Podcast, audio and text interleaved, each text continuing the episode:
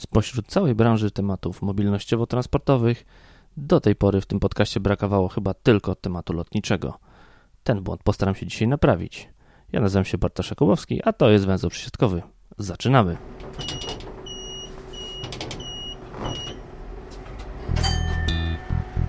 A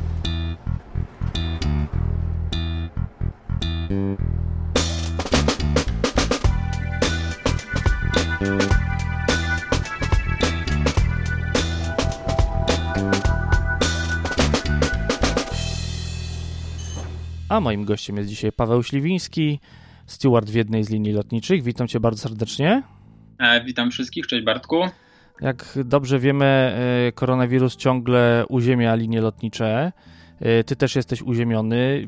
Jak to w tej chwili wygląda tak od kuchni w liniach lotniczych w tym momencie? Bo chyba wszyscy się tym interesują. Jak, jak to wygląda od strony też właśnie pracowniczej? Jak to wygląda od wewnątrz? Czy od wewnątrz i od strony pracowniczej wygląda to w ten sposób, że już ponad miesiąc siedzę w domu i y, czekam na dyspozycję, a raczej informacje z, ze swojej pracy, co będzie dalej. E, na razie jest to jedna wielka niewiadoma, dlatego że takiej sytuacji e, na świecie jeszcze nie było, w ogóle w branży lotniczej nie było. E, I tak naprawdę linie lotnicze starają się radzić sobie w jakiś sposób. E, jedne bardziej skuteczne, skutecznie, drugie mniej skutecznie, ale fakt jest taki, że ponad 95% floty światowej całej jest po prostu uziemionej. Jeżeli chodzi o, jeżeli chodzi o flotę y, taką typowo pasażerską, to bym się nawet pokusił o stwierdzenie, że 99%. Natomiast jedynymi samolotami, które latają, to to są głównie samoloty cargo, czyli po prostu przewożenie różnego rodzaju ładunków, żeby ten transport e, lotniczy w jakiś sposób e, funkcjonował. No tak, ale jesteś w domu i jaka jest, jak rysuje się twoja przyszłość i twoich koleżanek i kolegów z pracy? E, czy jesteście raczej w strachu, czy jesteście spokojni w tym momencie o swoją pracę? Jak to wygląda z twojej perspektywy jako pracownika takich linii lotniczych? Czy z mojej perspektywy wygląda to w ten sposób, że tak naprawdę nie wiem, co będzie, bo y, na tę chwilę wiem tylko tyle, że do y, połowy lipca mamy zawieszoną działalność, y, na tę chwilę przynajmniej, która może być oczywiście w każdym momencie przywrócona i to zależy tak naprawdę od decyzji rządów poszczególnych państw. Dlatego że każda z linii lotniczych jest zależna nie tylko od decyzji państwa, w którym ma siedzibę, czyli na przykład, nie wiem, tak jak e, linie, które działają w Polsce od polskiego rządu, czy linie niemieckie od rządu niemieckiego, ale również jesteśmy zależni od państw, do których latamy, dlatego że jeżeli nawet otworzyłyby się granice w Polsce, a nie otworzyłyby się granice, nie wiem, Hiszpanii, Francji, Portugalii czy Grecji, e, to nie będziemy po prostu mogli wykonywać tych operacji lotniczych, które wykonywaliśmy w zeszłym roku. Dlatego to jest y, tak bardzo powiązany rynek, y, że czasami ciężko to sobie aż wyobrazić. Więc, y, więc czekamy nie tylko na informacje od naszego rządu polskiego, ale również na informacje z Unii Europejskiej czy z poszczególnych państw spoza Unii Europejskiej. Ale czy wiadomo Ci coś o tym, że któreś linie lotnicze już zaczęły zwalniać pracowników? Czy linie lotnicze skupiają się na tym, żeby jednak swój personel zatrzymać? A to też zależy od polityki przyjętej przez linie lotnicze, dlatego że e, wiemy już oficjalnie, dlatego że to są oficjalne dane w internecie na różnych stronach e, takich bardziej branżowych lotniczych, że 20, bodajże 20 kwietnia 2020 roku już mamy pierwszego bankruta i tym pierwszym bankrutem był e, Norwegian Airlines, e, który ogłosił upadłość. E, była to tania linia lotnicza na terenie Skandynawii, e, która realizowała głównie połączenia z państw skandynawskich do Europy, do kurortów e, takich wakacyjnych typowo, ale również do Ameryki Północnej, dlatego że w swojej flocie posiadała m.in. Dreamlinery. Mm, także te tanie rejsy były realizowane nawet na e, kierunku Skandynawia i e, Stany, e, Stany Zjednoczone. Natomiast w branży lotniczej było wiadome, że Norwegian w ogóle ma już problemy finansowe znacznie wcześniej. Miał je już wcześniej. Także w momencie, kiedy ten koronawirus przyszedł do Europy, mm, to tutaj rządy Szwecji, Danii próbowały jakieś pakiety wsparcia finansowego oferować e, tej spółce, bo to była prywatna spółka.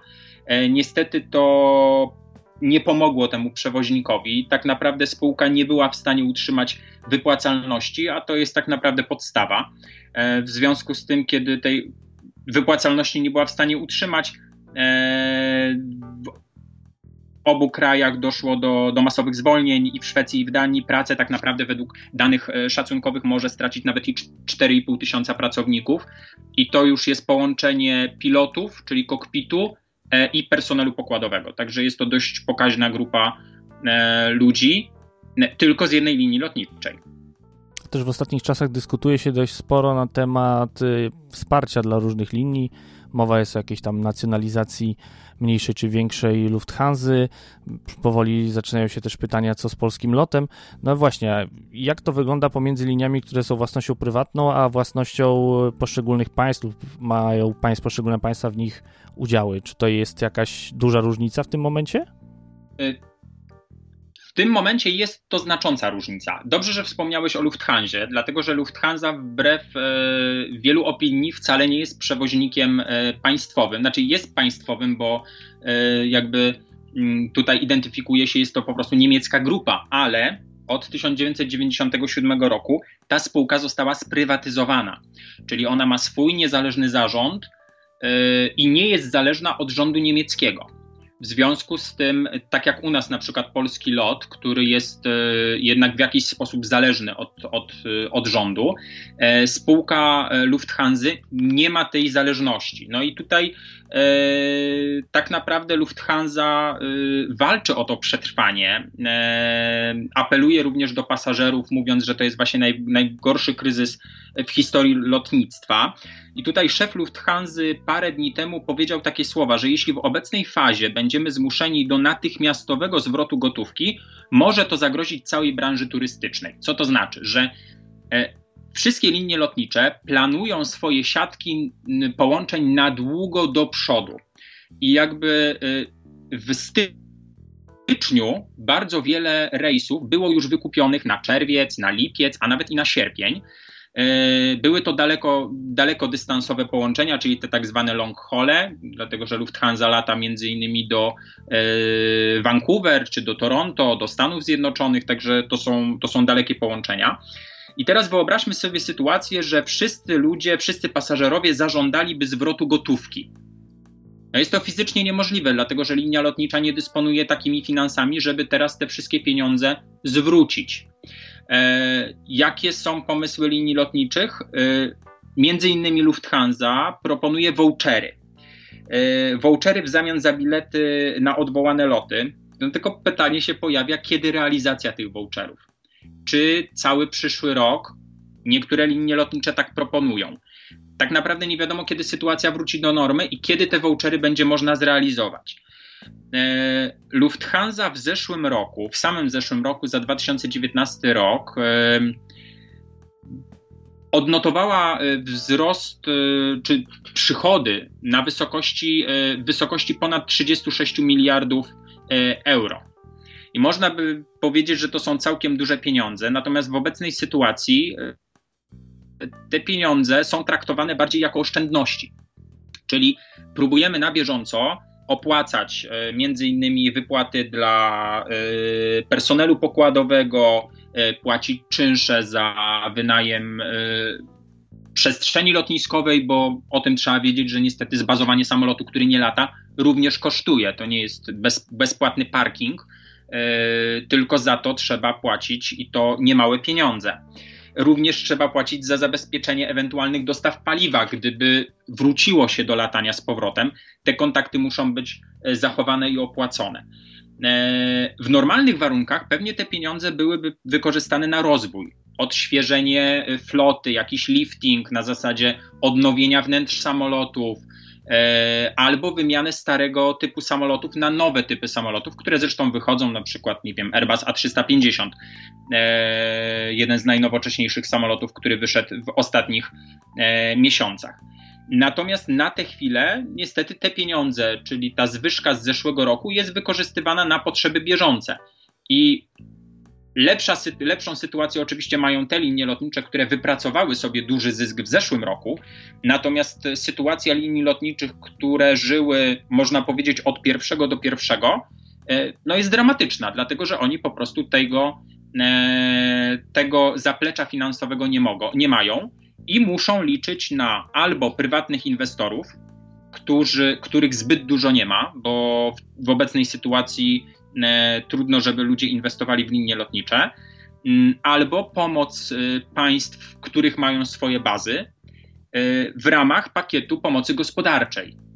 Tylko to też wszystko zależy od tego, jaki pakiet gospodarczy przygotowuje dane państwo, bo to też nie ma ogólnego pakietu pomocowego dla całej branży lotniczej, tylko jednak jest E, są to rozwiązania poszczególnych państw, poszczególnych rządów, w zależności od sytuacji gospodarczej danego państwa. No tak, skupiliśmy się dość mocno na, na Lufthansa, na lotach regularnych, a co z tymi liniami, które obsługują połączenia czarterowe, bo ty na takich latasz? E, tak, tak, to prawda. E, natomiast jeszcze zanim przejdziemy do tych, do tych czarterowych, taka parę takich ciekawostek, może krótkich. E, dlatego że na przykład prywatne linie e, w Stanach Zjednoczonych też mają bardzo duże problemy. E, United Airlines. Przeczytałem dwa dni temu o liście dyrektora, jednego z dyrektorów generalnych do pracowników, który napisał, że powinniście poważnie rozważyć, czy macie możliwość dobrowolnego odejścia z pracy. E, to było skierowane do pracowników linii lotniczych. No, wyobrażam sobie, jakby to było, gdyby e, taki list został skierowany na przykład do pracowników e, w jakiejkolwiek polskiej firmie. Podejrzewam, że byłoby ta byłoby e, bardzo dużo burzy wokół tych słów. No ale niestety na takie, e, na takie ruchy pozwalają sobie już dyrektorzy, dlatego że wiedzą, że ta liczba pracowników będzie musiała w jakiś sposób zostać zredukowana. Ostatnie dane Ryanaira około 3000 osób do zwolnienia. Wizer około 1000 y, osób do zwolnienia. Także tutaj działalność poszczególnych linii lotniczych jest zależna oczywiście od decyzji spółek czy, czy zarządu. Na przykład Turkish Airlines. Jeszcze niedawno było 160, 126 kierunków w różnych rejonach świata E, natomiast obecnie zostało tylko pięć tras. Więc to po pokazuje po prostu, jaka jest ogromna przepaść między tym, co było 2-3 miesiące temu, a tym, co jest teraz.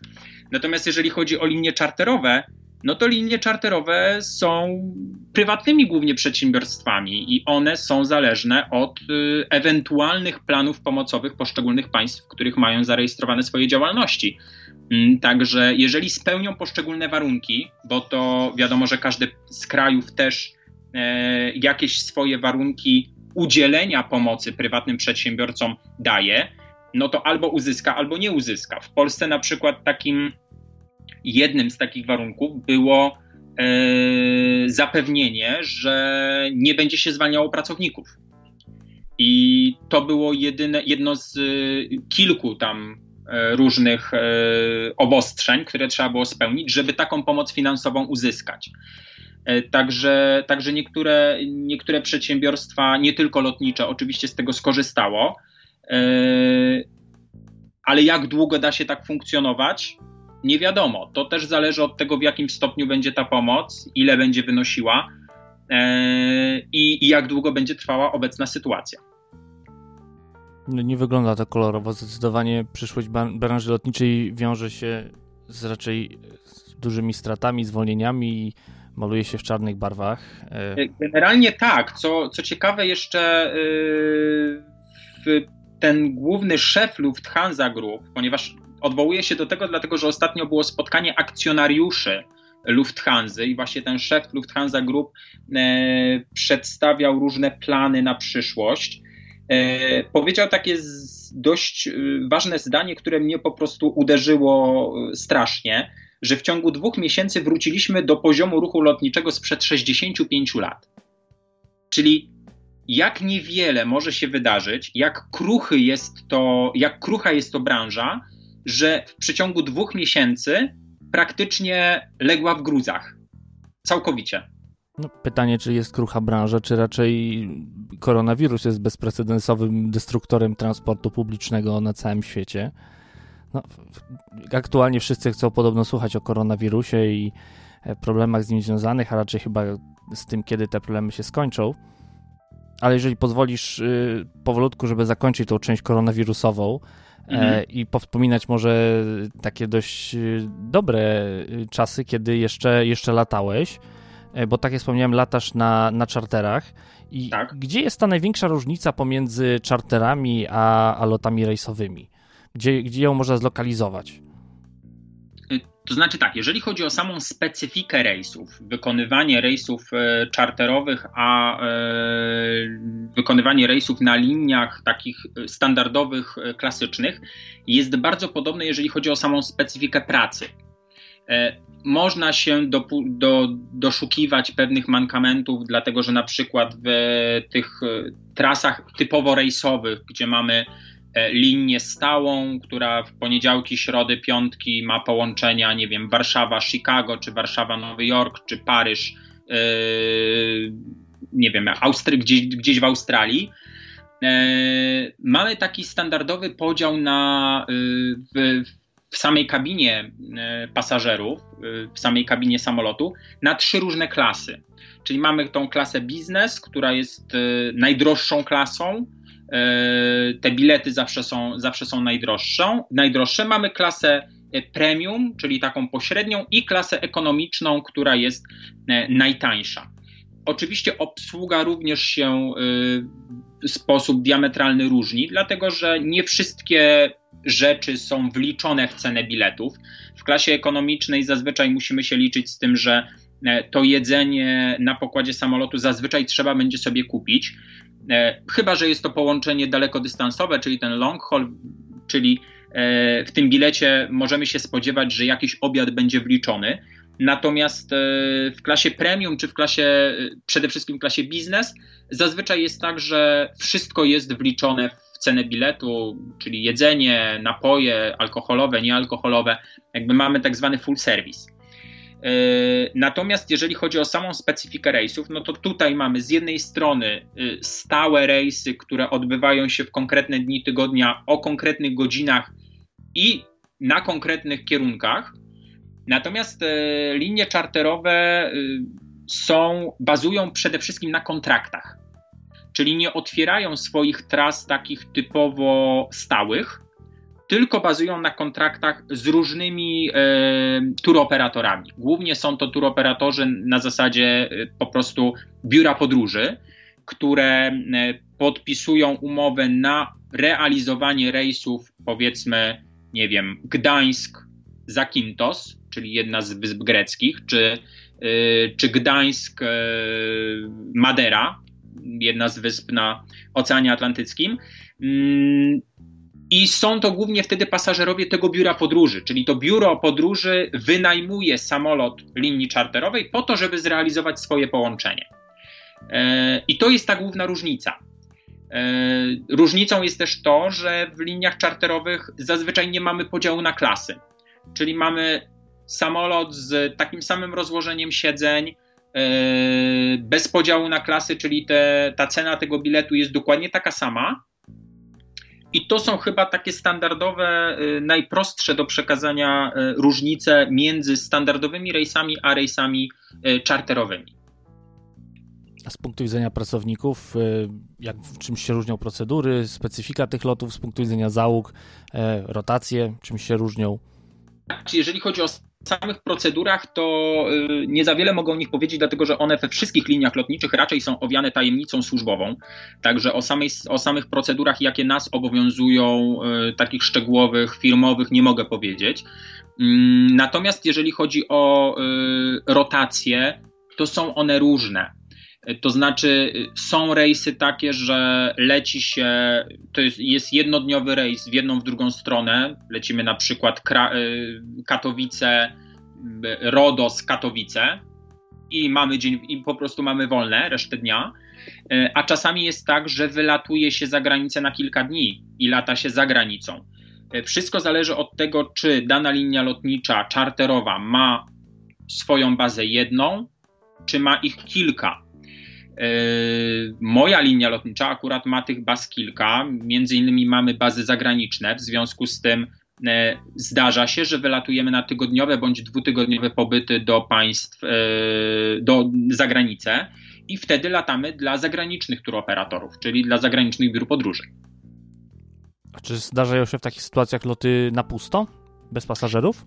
Y, tak, zdarzają się od czasu do czasu. Na przykład y, w ostatnim czasie y, zdarzały mi się na przykład takie rejsy, że lecieliśmy z Warszawy do Skandynawii. E, z jednego z miast skandynawskich w Norwegii przewoziliśmy pasażerów do Liverpoolu, bo to byli właśnie e, głównie kibice Liverpoolu. E, oni tam lecieli na mecz i zostawali tam e, kilkanaście godzin i po tych kilkunastu godzinach po meczu wracali z powrotem do siebie. I to po prostu było tak wynajęty rejs, e, lot po to, żeby właśnie przewieźć ich na mecz i oni po tym meczu wracali. E, zdarzają się również rejsy na pusto. Teraz ostatnio było sporo takich rejsów i były to rejsy repatriacyjne w związku właśnie z pandemią koronawirusa, czyli lecieliśmy po pasażerów, którzy utknęli gdzieś w Europie czy kawałek poza Europą, e, a na przykład inne linie lotnicze odmówiły im powrotu.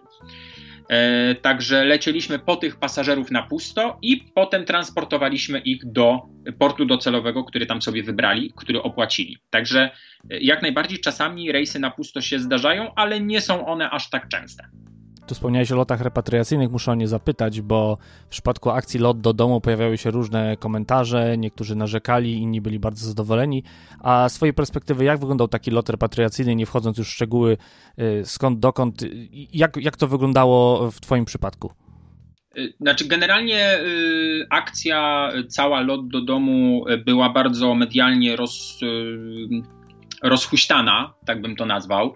Było o niej bardzo dużo w, w mediach społecznościowych, natomiast e, no, na YouTubie powstało też kilka filmików pokazujących, że nie tylko lot yy, w, wykonywał tego typu rejsy, bo jedna z głównych linii czarterowych w Polsce również je wykonywała.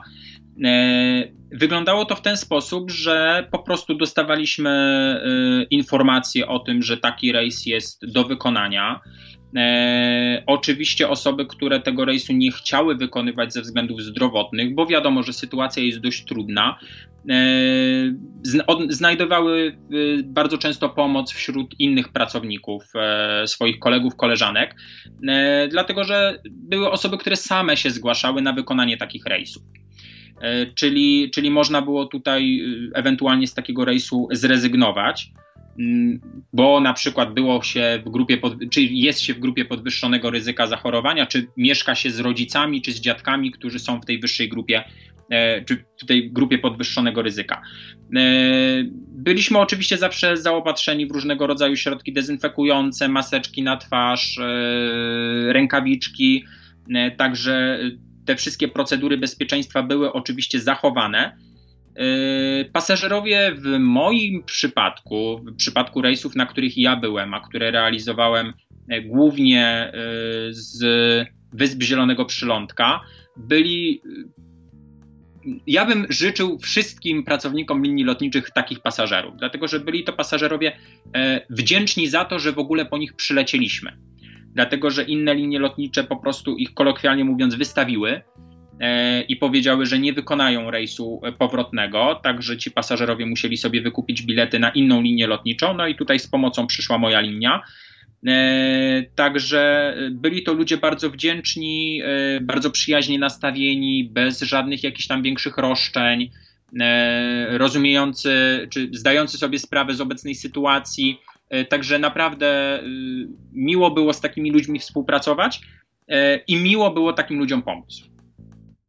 To nic tylko pogratulować tak wdzięcznych pasażerów, bo wiemy, że często wygląda to inaczej na rejsach, jak i na czarterach. E, no i też znamy jako pasażerowie to, jak wygląda lot samolotem. Wiemy też już trochę, jak wygląda to z Twojej strony. A czy są na przykład z Twojego punktu widzenia lepsze albo gorsze lotniska? Albo samoloty, albo w ogóle jakieś takie rzeczy, które załoga na przykład lubi albo nie lubi. Pewnego rodzaju, nie wiem, loty, relacje. Znaczy, generalnie rzecz biorąc, to yy, w ogóle sam dzień, jak się zaczyna tylko, to początek wygląda bardzo yy, podobnie we wszystkich, podejrzewam, liniach lotniczych, dlatego że my musimy być na godzinę wcześniej przed odlotem na lotnisku. E, zawsze mamy spotkanie całą załogą, gdzie omawiamy właśnie te procedury, specyfikę lotu, jaka będzie pogoda, czy będą turbulencje, czy nie będzie turbulencji. Też musimy przejść tą odprawę bagażową i paszportową, jeżeli ona jest wymagana wtedy. Oczywiście przechodzimy zupełnie innym przejściem, trwa to szybciej. Musimy przygotować samolot do rejsu, e, potem przeprowadzić boarding pasażerów, puścić pasażerów na pokład, e, przygotować samolot do startu, czyli te wszystkie procedury bezpieczeństwa, e, no i wystartować. Natomiast jeżeli chodzi o takie lepsze czy gorsze lotniska czy samoloty, są, oczywiście, że są, dlatego że są lotniska takie, na które osobiście nie lubię latać, ze względu na to, że na przykład y, wiem, że będzie trudne lądowanie. Lądowanie bardzo często jest związane z ułożeniem tego lotniska, z położeniem tego lotniska. E, czasami te lotniska znajdują się na wyspach, czyli między innymi greckie wyspy, e, gdzie lądowanie jest, do lądowania podchodzi się gdzieś z nadmorza, gdzie są bardzo silne wiatry E, i te lądowania rzeczywiście są trudne. Takim lotniskiem jest na przykład Madera, e, gdzie, gdzie też są bardzo silne wiatry, plus dodatkowo jest bardzo krótki pas, który kończy się w morzu na palach, bo on został dobudowany po to, żeby ten pas troszeczkę wydłużyć, żeby większe samoloty mogły tam lądować.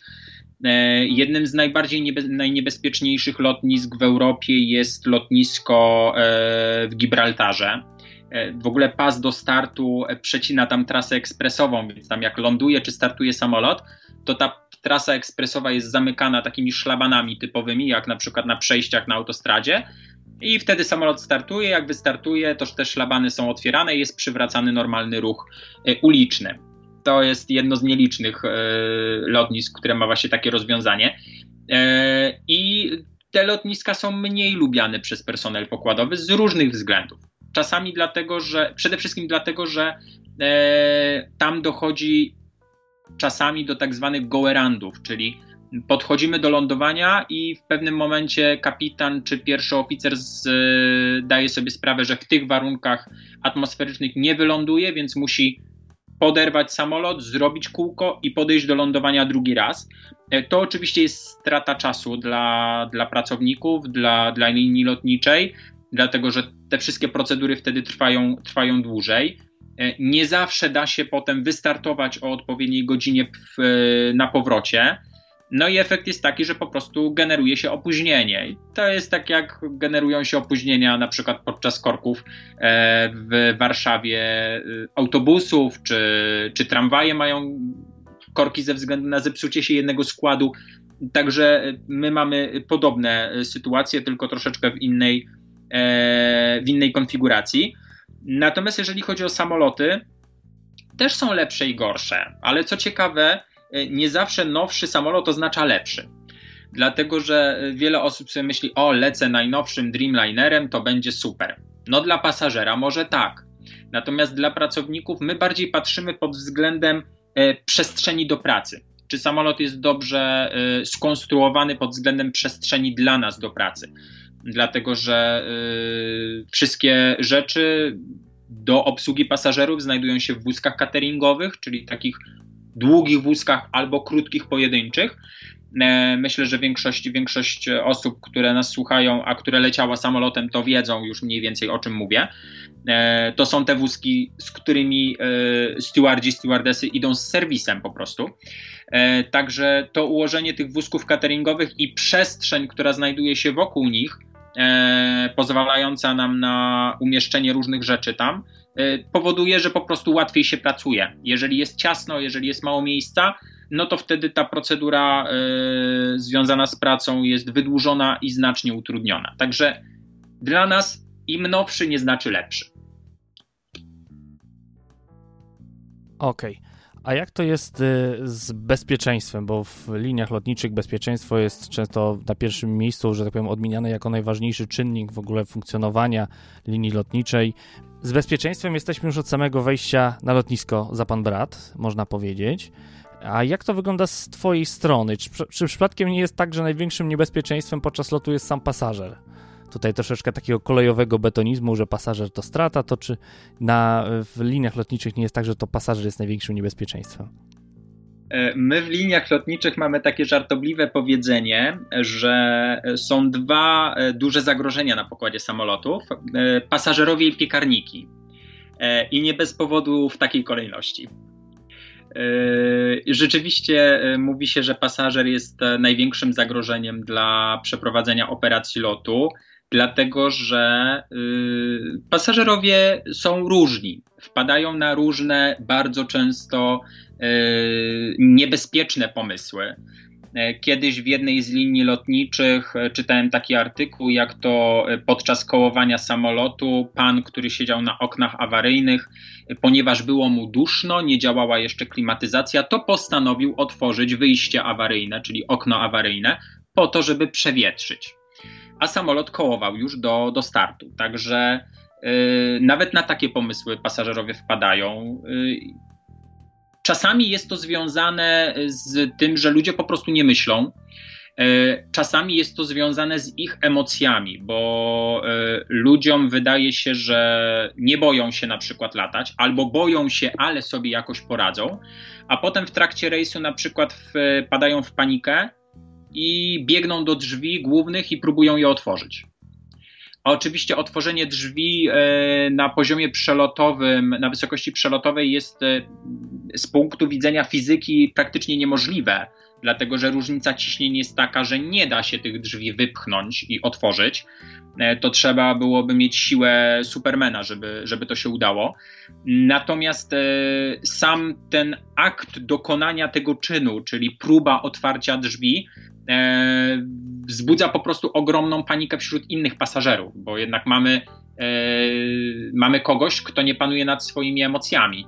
Więc, więc to na pewno wzbudza strach i wśród e, pasażerów, i taką trwogę wśród załogi, która jednak musi zachować zimną krew w każdej możliwej, e, trudnej nawet sytuacji.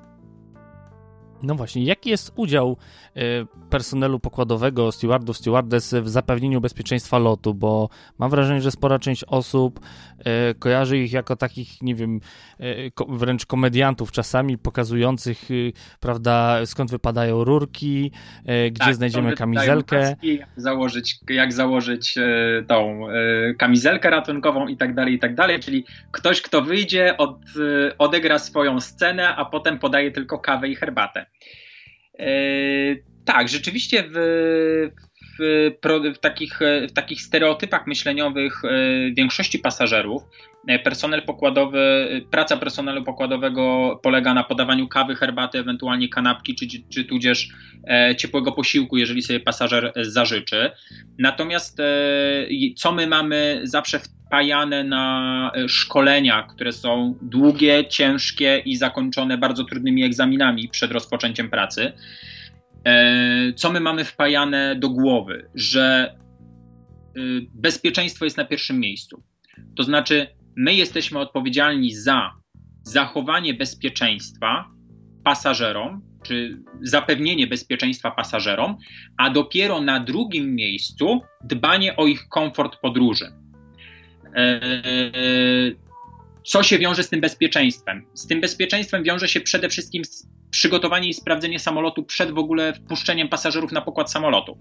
E, dlatego, że to było w wielu filmach, programach e, już mówione o tym, więc to nie jest żadna tajemnica, że personel pokładowy po prostu musi sprawdzić sprzęt awaryjny na pokładzie samolotu. Sprawdzić, czy on jest sprawny, czy znajduje się w odpowiednich miejscach, yy, czy znajduje się w odpowiedniej ilości na pokładzie samolotu. To wszystko jest oczywiście z wewnętrznymi dokumentami, które już są tajne, natomiast yy, my to musimy wszystko sprawdzić. Yy, sprawdzamy między innymi gaśnice, czy one się znajdują na pokładzie, gdzie się znajdują, czy znajdują się butle tlenowe, które w przypadku sytuacji medycznych są nam niezbędne dla pasażerów. I to wszystko spoczywa na e, personelu pokładowym. Oczywiście jedyne miejsce, którego my nie sprawdzamy, to jest kokpit, dlatego że w kokpicie sprzęt awaryjny sprawdza kapitan bądź pierwszy oficer, w zależności od tego, w zależności od tego, jak tam sobie zadania rozłożą, to już jest ich, ich domena. Natomiast my jesteśmy odpowiedzialni za, za sprzęt awaryjny na pokładzie i dopiero jak go sprawdzimy i zameldujemy, że ten sprzęt awaryjny jest sprawny, możemy myśleć o tym, żeby wziąć pasażerów na pokład samolotu.